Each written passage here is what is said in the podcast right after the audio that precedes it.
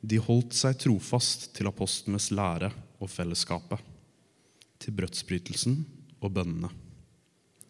Hver og en ble grepet av ærefrykt, og mange under og tegn ble gjort av apostlene. Alle de troende holdt det sammen, og alle hadde alt felles. De solgte eiendommene sine og det de ellers eide, og delte ut til alle etter som hver enkelt trengte det. Hver dag holdt de trofast sammen på tempelplassen, og i hjemmene brøt de brødet og spiste sammen med oppriktig og hjertelig glede. De sang og lovpriste Gud og var godt likt av hele folket. Og hver dag la Herren til nye som lot seg frelse. Takk. Skal vi se, får jeg presentasjonen opp på skjermen? En disippel lever forent med Jesus Kristus og hans interesser i verden. Den setninga her det er utgangspunktet for undervisninga vi har her i kirka i høst. Mitt navn er Eirik Soldal, jeg er pastor i menigheten og jeg er veldig glad for å få lov til å dele noen ord med dere nå. Eh, vi har begynt med denne her serien i august allerede. Da hadde vi to gudstjenester som fikk overskriften 'Disippelliv'. Da hørte vi først om hvilken rolle gleden spiller i livet sammen med Jesus. Og så, Gangen etterpå så hørte vi om hvordan Guds nærvær er overalt og hos alle. Og når vi blir kristne, så er ikke Jesus lenger bare nær oss. Han er også i oss. Vi blir forent med han. I september så gikk vi videre til å snakke om det å være disipler sammen. For vi lar oss ikke bare forene med Jesus og hans interesser i verden. Nei, disipler lar seg også forene med hverandre. Vi hørte om hvordan Den hellige ånd kan vekke en godhet og en kjærlighet i relasjonene mellom disiplene. Litt sånn som vi leste om i teksten i stad. Og om hvordan Ånden kan utruste oss med gaver som vi kan bruke for å bygge fellesskapet sammen. Så hadde vi også en sofasamtale der vi fikk høre tre personer her fra kirka fortelle hva Bjølsen misjonskirke betyr for dem. Og så snakka vi om hvordan vi kan være et tilbedende, gjestfritt, sunt bibelsk og smittende fellesskap sammen. Det var en kjapp oppsummering av dit vi har kommet i høst. Eh, Alt ligger ute på podkasten vår, så hvis du har lyst til å høre noe for første gang, som du gikk glipp av, eller høre noe igjen, som du kjente at her var det noe jeg har lyst til å jobbe videre med, så sjekk det ut. Ligger på bjølsen.com, annet. Men i dag så går vi inn i et nytt tema. Eller vi går videre i den samme tematikken. Og overskriften er 'Disipler i praksis'. Eh, og før jeg sier noe mer enn det, så vil jeg be. Gode Gud, Takk for at du ser hver enkelt av oss. Du vet eh, hvor vi er i livet, hva vi er opptatt av. Du vet hvordan dagen vår har vært, hva vi bekymrer oss for, hva vi lengter etter. Jeg ber om at den undervisninga jeg skal ha i dag, og at resten av denne undervisningsserien må få lov til å starte noen prosesser i oss som, som lar oss få lov til å begynne der vi er, og få gå noen skritt videre sammen med deg. Hellige Ånd, jeg ber om at vi i denne perioden hjelpe, at du må hjelpe oss å finne og oppdage noen trospraksiser som kan være livgivende for oss. Som kan forene oss med Jesus og hans interesser i verden. Det ber jeg om i ditt navn. Amen. Ok. Overskriften nå for både oktober og november det er 'disipler i praksis'. Hvilke tanker og følelser vekker de ordene der i det. Nå skal vi rett og slett gjøre noe som jeg ikke pleier å gjøre på gudstjeneste. Jeg har lyst til å invitere deg til å snu deg mot sidemannen og svare på dette spørsmålet. Hva er det første du tenker når du ser de her ordene? Disipler i praksis. Og slapp av. Du trenger ikke å si noe smart. Bare si det første som faller deg inn, bare for å få kobla deg litt på tematikken. Eh, jeg gir dere ett minutt og så fortsetter jeg herfra. Ok, jeg tror vi bare fortsetter. Noen føler sikkert ah, dette var fantastisk mer, og noen tenkte at deilig, nå er det over. Vi, vi går videre. Disippel i praksis. Disipler i praksis. Hva, hva betyr de ordene her? Eh, la oss se litt nærmere på det. Og la oss begynne med dette ordet praksis. Det må jo handle om noe som er praktisk. Altså i motsetning til teoretisk. Så å være disippel i praksis må på en eller annen måte handle om å brette opp ermene og få lov til å gjøre noen ting. På engelsk så er praksis 'practice'. Så en disippel i praksis må da også få lov til å være en som har lov til å øve seg. Som ikke trenger å få alt til på første forsøk. En som øver seg. Men disippel, da? Hva betyr det? Disippel er et annet ord for lærling. Så en disippel det er en som lærer, en som øver seg, en som vokser, en som utvikler seg. En som er underveis. Og man er, Hvis man er underveis, så er man underveis mot et mål. Og hva er det målet for oss? Jo, det er Jesus Kristus sjøl. Vi lærer og øver oss på å kjenne Han, på å etterligne han, på å lytte til han, på å stole på han, på å ta imot nåde fra han. Til å bli forent med han og hans interesser i verden.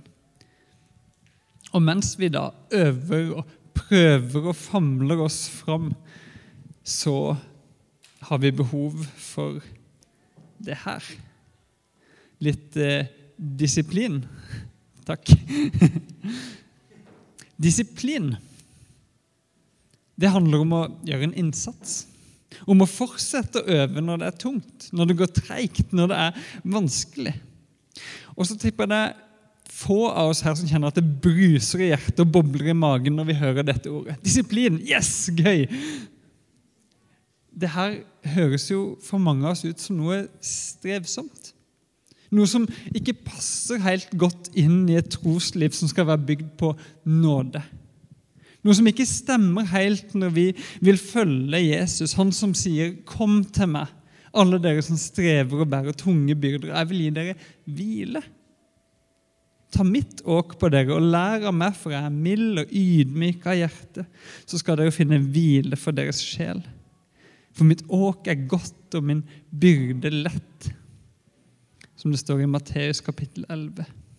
Disiplin. Det høres jo strevsomt ut. I alle fall hvis vi tenker at disiplin er det samme som selvdisiplin. Men trenger det være det, da? Den teksten vi leste i stad, handler den om selvdisiplin? Den gjorde ikke det. Stian Kilde Aarebrot skriver om det her i boka 'Gjøre høre'. Den skal dere høre litt mer om neste søndag, eh, når noen andre enn meg skal undervise. Men jeg skal lese et utdrag for dere nå om denne her disiplinen i livet som disippel. Stian skriver det her.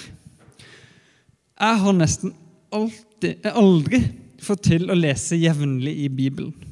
Noe som lenge har vært en kilde til dårlig samvittighet og lav tros selvtillit. I kristenkulturen jeg vokste opp i, var det opplest og vedtatt at det personlige andagslivet var selve bærebjelken i den kristne troa. Og andagsliv var først og fremst Bibel og bønn. Så åssen skulle det gå med meg når jeg ikke bare snubla i startblokkene, men også sjangla og jevnlig falt i det personlige kristenløpet som var ment å skulle vare livet ut. Stian reflekterer så videre i teksten over hvorfor han syntes det var så vanskelig det her, å få det her personlige andaktslivet til. det personlige kristenlivet. Og så konkluderer han med to ting.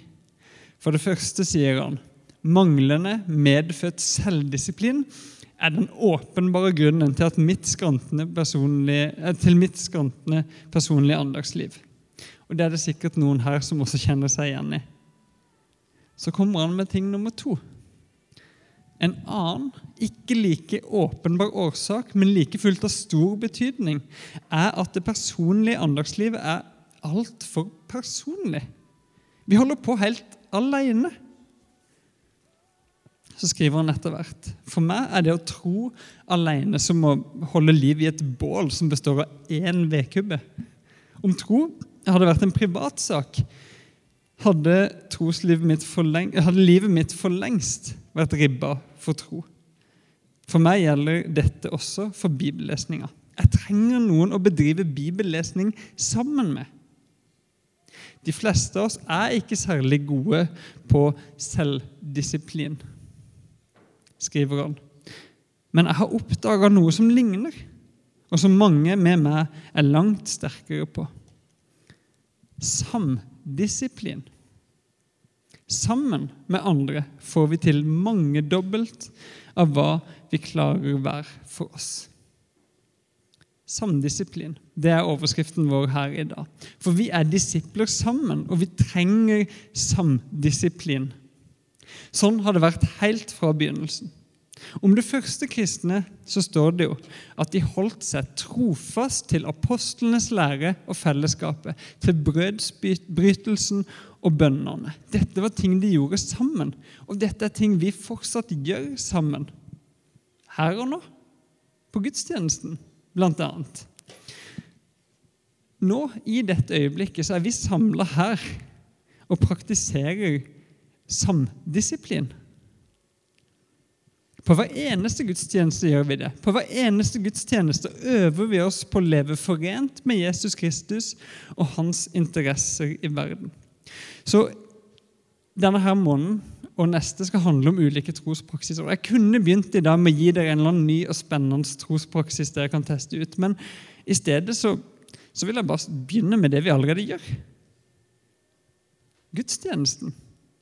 Det er en trospraksis, en utrolig viktig en også. Dette har jeg gjort før i menigheten, og jeg gjør det gjerne igjen. Jeg tar dere gjennom nå de fem hoveddelene som er i enhver kristen gudstjeneste. Og så har jeg lyst til å prøve å forklare de og vise hvordan disse kan hjelpe oss å bli forent med Jesus og med hans interesser i verden. Og jeg tror Det vi gjør gjennom gudstjenesten Det er en som heter James K. Smith, som også har skrevet en del om i boka 'You Are What You Love'. I gudstjenesten så øver vi oss på en annen historie enn den vi blir fortalt resten av uka. Den som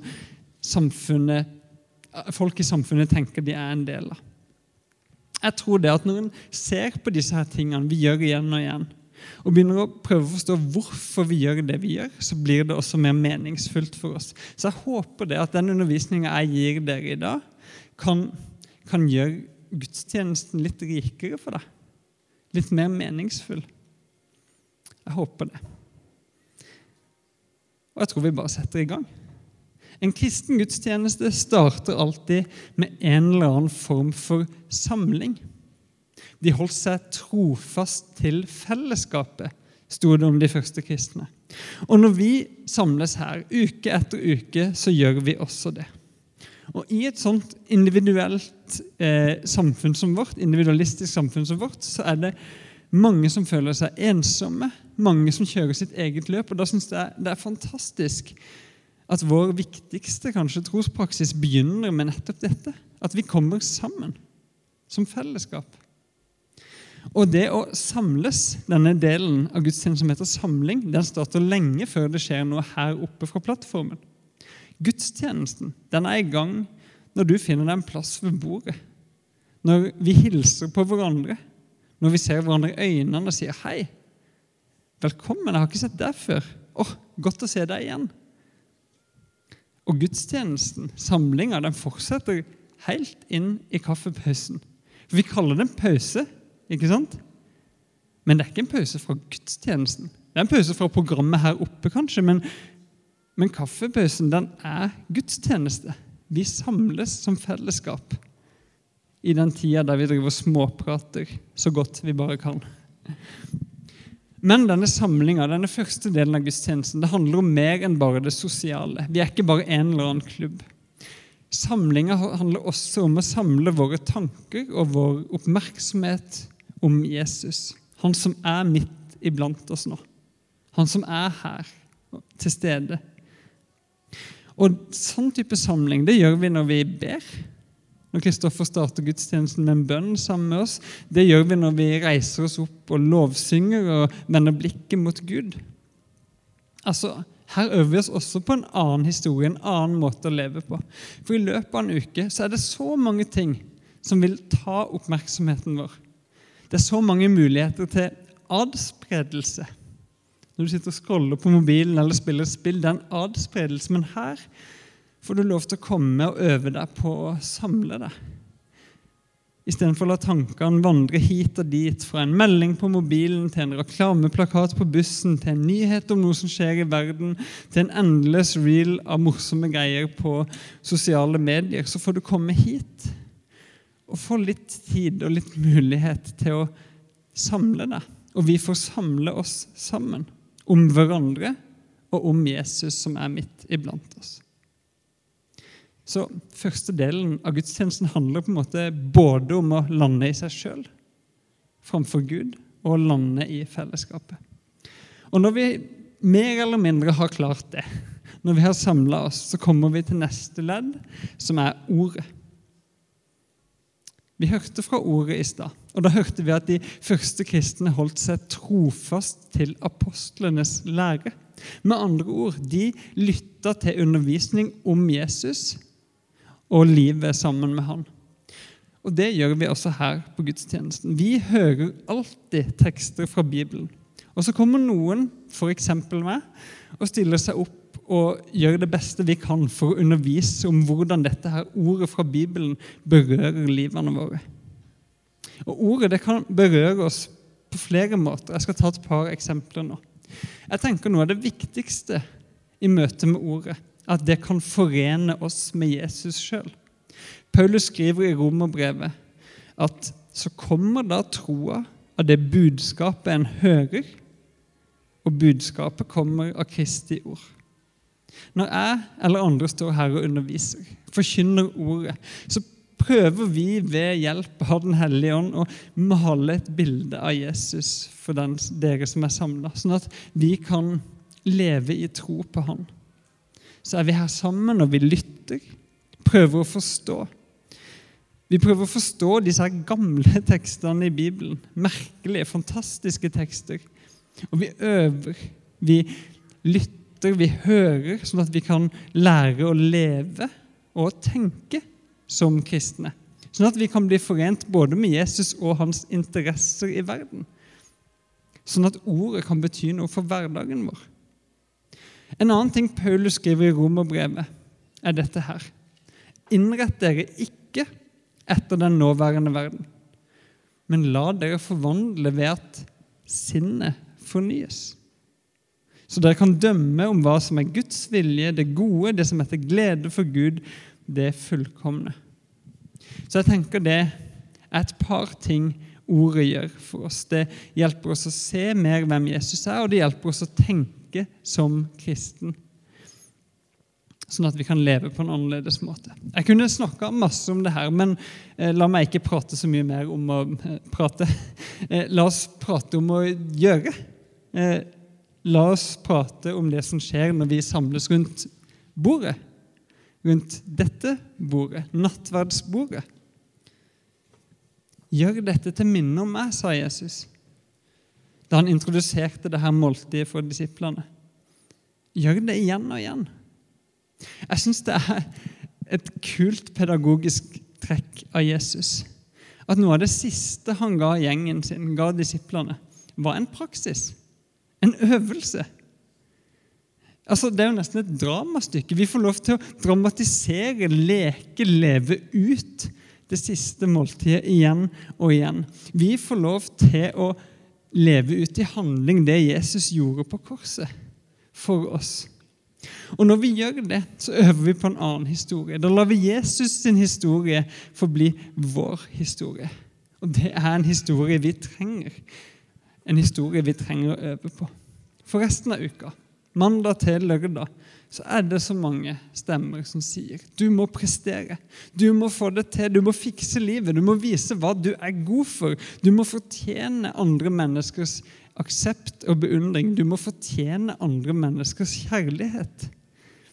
Og på arbeidsplassen, på, i studiet, i vennegjengene våre, så, så lar vi oss ofte rive med. Og så begynner vi å øve på det her. Øve på å være god nok, øve på å prestere. Men ikke på søndag. Da er det ikke sånn. For da får vi lov til å komme hit og samles rundt bordet. Da er det ferdig prestert. Vi legger fra oss våre byrder og øver og leker og dramatiserer ut en helt annen historie. En som sier 'Jesus har prestert for deg'. Du får komme tomhendt. Alle er velkommen. Du trenger ikke å fortjene Jesu kjærlighet. Du står i en nattverdskø der alle står på lik linje. Og så får du komme fram, og så gir Jesus seg sjøl til deg som en gave. Du får komme og se hvor elska du er. Vi øver oss igjen og igjen på historien om nåden og korset. Vi tar imot det nye livet med Gud. Og de første kristne, hva gjorde de? De holdt seg trofast til brødsbrytelsen, til nattverden. Og det gjør vi fortsatt i dag. For de av dere som har lest nyhetsbrevet vårt, det kan hende noen få av dere har gjort, så har dere sett at i oktober og november så skal vi teste ut hvordan det blir hvis vi feirer nattverd hver søndag. Eh, vi har også eh, gjort det litt enklere, sånn at vi klarer å gjennomføre det. Jeg skal snakke mer om det etterpå. Men per nå så vil jeg bare si velkommen til bords. Jeg tror det skal bli en god trospraksis for oss i disse månedene, og kanskje fortsetter vi å gjøre det ofte etter det også. Ok, Tre ledd. Vi er klar for fjerde, håper jeg. Det er bønnen. De, holdt, de første kristne, hva gjorde de? De holdt seg trofast til bønnene, leste vi i stad. Og når vi feirer en gudstjeneste, ja, vi ber i begynnelsen og vi ber underveis, vi ber litt her og der, men jeg tenker at bønnedelen i gudstjenesten det er på en måte den responsen vi gir etter at vi har hørt ordet og tatt imot Jesus ved bordet. Bønn hva er det? Det er ganske enkelt å henvende seg til Gud. Og det kan en gjøre på mange ulike måter. På en gudstjeneste så, så reiser vi oss, og så synger vi til Gud i takknemlighet. Vi synger lovsanger og salmer. Men vi kan også sitte stille for oss sjøl. Vi kan be våre stille bønner. Det går an å gå bak i hjørnet og skrive en bønnelapp eller tenne et lys. Og De bønnelappene de ber vi i staben for i løpet av uka, så da vet du at du ikke ber alene. Og så kan det være noen ganger at ordene våre bare ikke strekker til. Da kan vi be med sukk. Da kan vi be i stillhet. Og Gud hører. Gud forstår. Enten stillheten vår og sukket vårt er mismot og klage, eller om det er glede, fred og takknemlighet. Og så ber vi sammen. Vi ber den, lærte, den bønnen som Jesus lærte disiplene sine å be. Vår Far. Og vi øver oss på å be den igjen og igjen. Jeg tenker at bønnen det handler også om å øve seg på en annen historie enn den du hører resten av uka. For kulturen vår, samfunnet vårt, sier at vi må klare ting sjøl en av de største verdiene Jeg husker da Harald Eie hadde sånn, sånn, sånn er Norge-foredrag. Så sånn at Det viktigste for oss i Norge det er selvstendighet. Stå på egne bein. Være uavhengige. Ikke være til bry for noen andre. Men det er jo ikke sant at vi skal være det. I bønnen så får vi lov til å være ærlige med oss sjøl og si at ja, men jeg klarer meg ikke sjøl. Gud, jeg trenger din hjelp. Jesus jeg takker deg for at du har gitt meg liv. Hellige Ånd, jeg, jeg, trenger at du fyller meg med kraft. Vi får lov til å komme hit og være avhengige. Og det tror jeg er utrolig godt for oss. Det er noe av det som gjør oss til Guds barn. Vi er avhengige av alt det Gud har å gi. Og så kommer det femte leddet. Sendelse. Vi sendes ut i hverdagen igjen. Og vi sendes ut med en velsignelse fra møtelederen, fra Gud. Eh, vi sendes ut for å leve som kirke spredt rundt i denne byen. Helt til vi neste gang samles igjen. Og Det er jo pulsen til kirka. At vi samles og sendes og samles og sendes. Det er, altså Vi snakker om kirka som Jesu kropp for et par søndager siden. Det her, Den samlinga og sendinga, det er jo kirkas hjerteslag. Det er pulsen vår. Så vi sendes ut for å leve Jesuslivet der vi bor, der vi jobber, der vi studerer, der vi trener, der vi gjør det vi gjør. Vi sendes ut til fremmede og venner, til familie, til alle vi møter som, som vitner om Jesus. Ved måten vi lever, og ved det vi sier. Vi er vitner om vår lærer, vår mester, vår frelser. Og vi sendes ut for å leve forent med Jesus sine interesser i verden. Det er en gudstjeneste.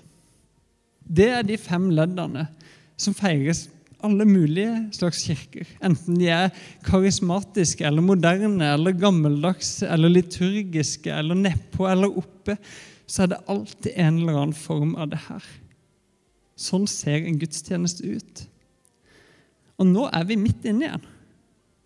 Og det skal vi ikke tenke smått om. Jeg er så takknemlig for at jeg får lov til å være her og feire gudstjeneste sammen med dere. Og så kjenner jeg at jeg er enig med Stian Kilde Aarebrot, som jeg leste fra i stad, at det personlige andagslivet ja, det er vel og bra, men det, det kan ikke være bærebjelka i den kristne troa. Jeg tror gudstjenesten, om noe, skal få lov til å være bærebjelka for vår tro. For når vi deltar i gudstjenesten, så bærer både Gud og fellesskapet oss gjennom det.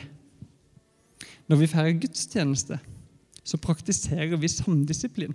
Og det er så utrolig mye mer sannsynlig at vi får til. I gudstjenesten så er vi disipler i praksis. Vi holder oss her trofast til apostlenes lære og fellesskapet, til brødsbrytelsen og bønnene. Vi øver og prøver og famler oss fram sånn at vi kan leve forent med Jesus Kristus og hans interesser i verden. Og Gud er her. Gud deltar i gudstjenesten. Så det vi gjør her, det er mye mer enn det vi gjør. Ja, gudstjenesten er undervurdert, dere. Jeg har lyst til å snakke masse om gudstjenesten. Jeg hadde egentlig tenkt å legge ut om to bibeltekster til i dag. Den ene er om profeten Jesaja sitt møte med Gud. Kan du lese Jesaja kapittel 6? En ganske heftig og skjellsettende opplevelse der Jesaja både får nåde og blir sendt ut i tjeneste. Der samlinga starter i tilbedelse og lovsang i tempelet. Der ordet lyder så sterkt at boltene i dørterskelen begynner å riste der Jesaja sin synd og skyld ble sona ved alteret. Der profeten snakker med Gud og til slutt blir sendt ut for å forkynne. Men den teksten skal jeg ikke lese, selv om jeg har veldig lyst. Den andre teksten, som jeg ikke skal lese nå, er fra Johannes 21. Der får vi bli med disiplene inn i det første møtet de har med Jesus etter at han har stått opp fra de døde. Der er de samla bak lukka dører, livredde. Plutselig så står Jesus der, midt iblant de. Han møter de med ord om fred og nåde. Han viser de sårene han fikk på korset. Og de responderer i undring og glede før Jesus sender de ut igjen, fyller de med Den hellige ånd, sender de ut i verden med nåde og tilgivelse. Altså, I disse to fortellingene og i en del andre bibelfortellinger så kan vi finne paralleller til det som skjer på gudstjenesten. Til det som skjer nå. Når den levende Gud her møter oss, når den oppstandende Jesus her er midt iblant oss, oss som samles om enkle ting som ordet og bordet og bønnen før vi sendes ut igjen. Før Gud sender oss ut igjen. Jeg har lyst til å snakke masse om dette. Jeg har snakka en del om det allerede. Jeg har, jeg har egentlig snakka lenge nok. Så vi skal spare de her tekstene til smågrupper i uka som kommer. Og Hvis ikke du er med i en smågruppe, så kan du snakke med meg. Kanskje det fortsatt er mulig å bli med. Eh, eller så kan du lese tekstene sjøl. Leve deg inn i dem. Se hva som skjer når noen møter Gud. Og så kan du leite etter samling av ordet, bordet, bønnen og sendelsen i de tekstene der. Edin Løvaas har vært en stor inspirasjon for meg i det siste, og er en inspirasjon for den taleserien vi har nå. I en bok, hans første bok så skriver han at kirka trenger en tyngdeforskyvning fra prekestolen og den offentlige møtevirksomheten og over til mer personlig arbeid og gruppearbeid. Så jeg tenker det er fint å gi han ja, La han få det ønsket sitt innfridd. Eh, jeg tror vi har godt av en tyngdeforskyvning av og til. For jeg tror forutsetninga for et rikt liv som disippel at det som skjer her på gudstjenesten, det får virke sammen med det som skjer resten av uka. At det virker sammen med det personlige arbeidet og med gruppearbeid, smågrupper eller ting som ligner på det. At det får virke sammen med andre trospraksiser. Og Denne typen trospraksiser, enten den du gjør sammen med andre eller alene, skal du få høre mer om i de to månedene som vi er inne i nå, i serien Disipler i praksis. Men akkurat nå er vi her. Vi praktiserer. Vi feirer gudstjeneste. Vi øver oss her og nå på å leve forent med Jesus Kristus og hans interesser i verden. Vi er ferdig med de to første delene, samlinga og ordet. Så skal vi få lov til å synge litt lovsang og gå over i bordet og bønnen før vi sendes ut i hverdagen igjen. Takk for at jeg får lov til å gjøre det her sammen med dere.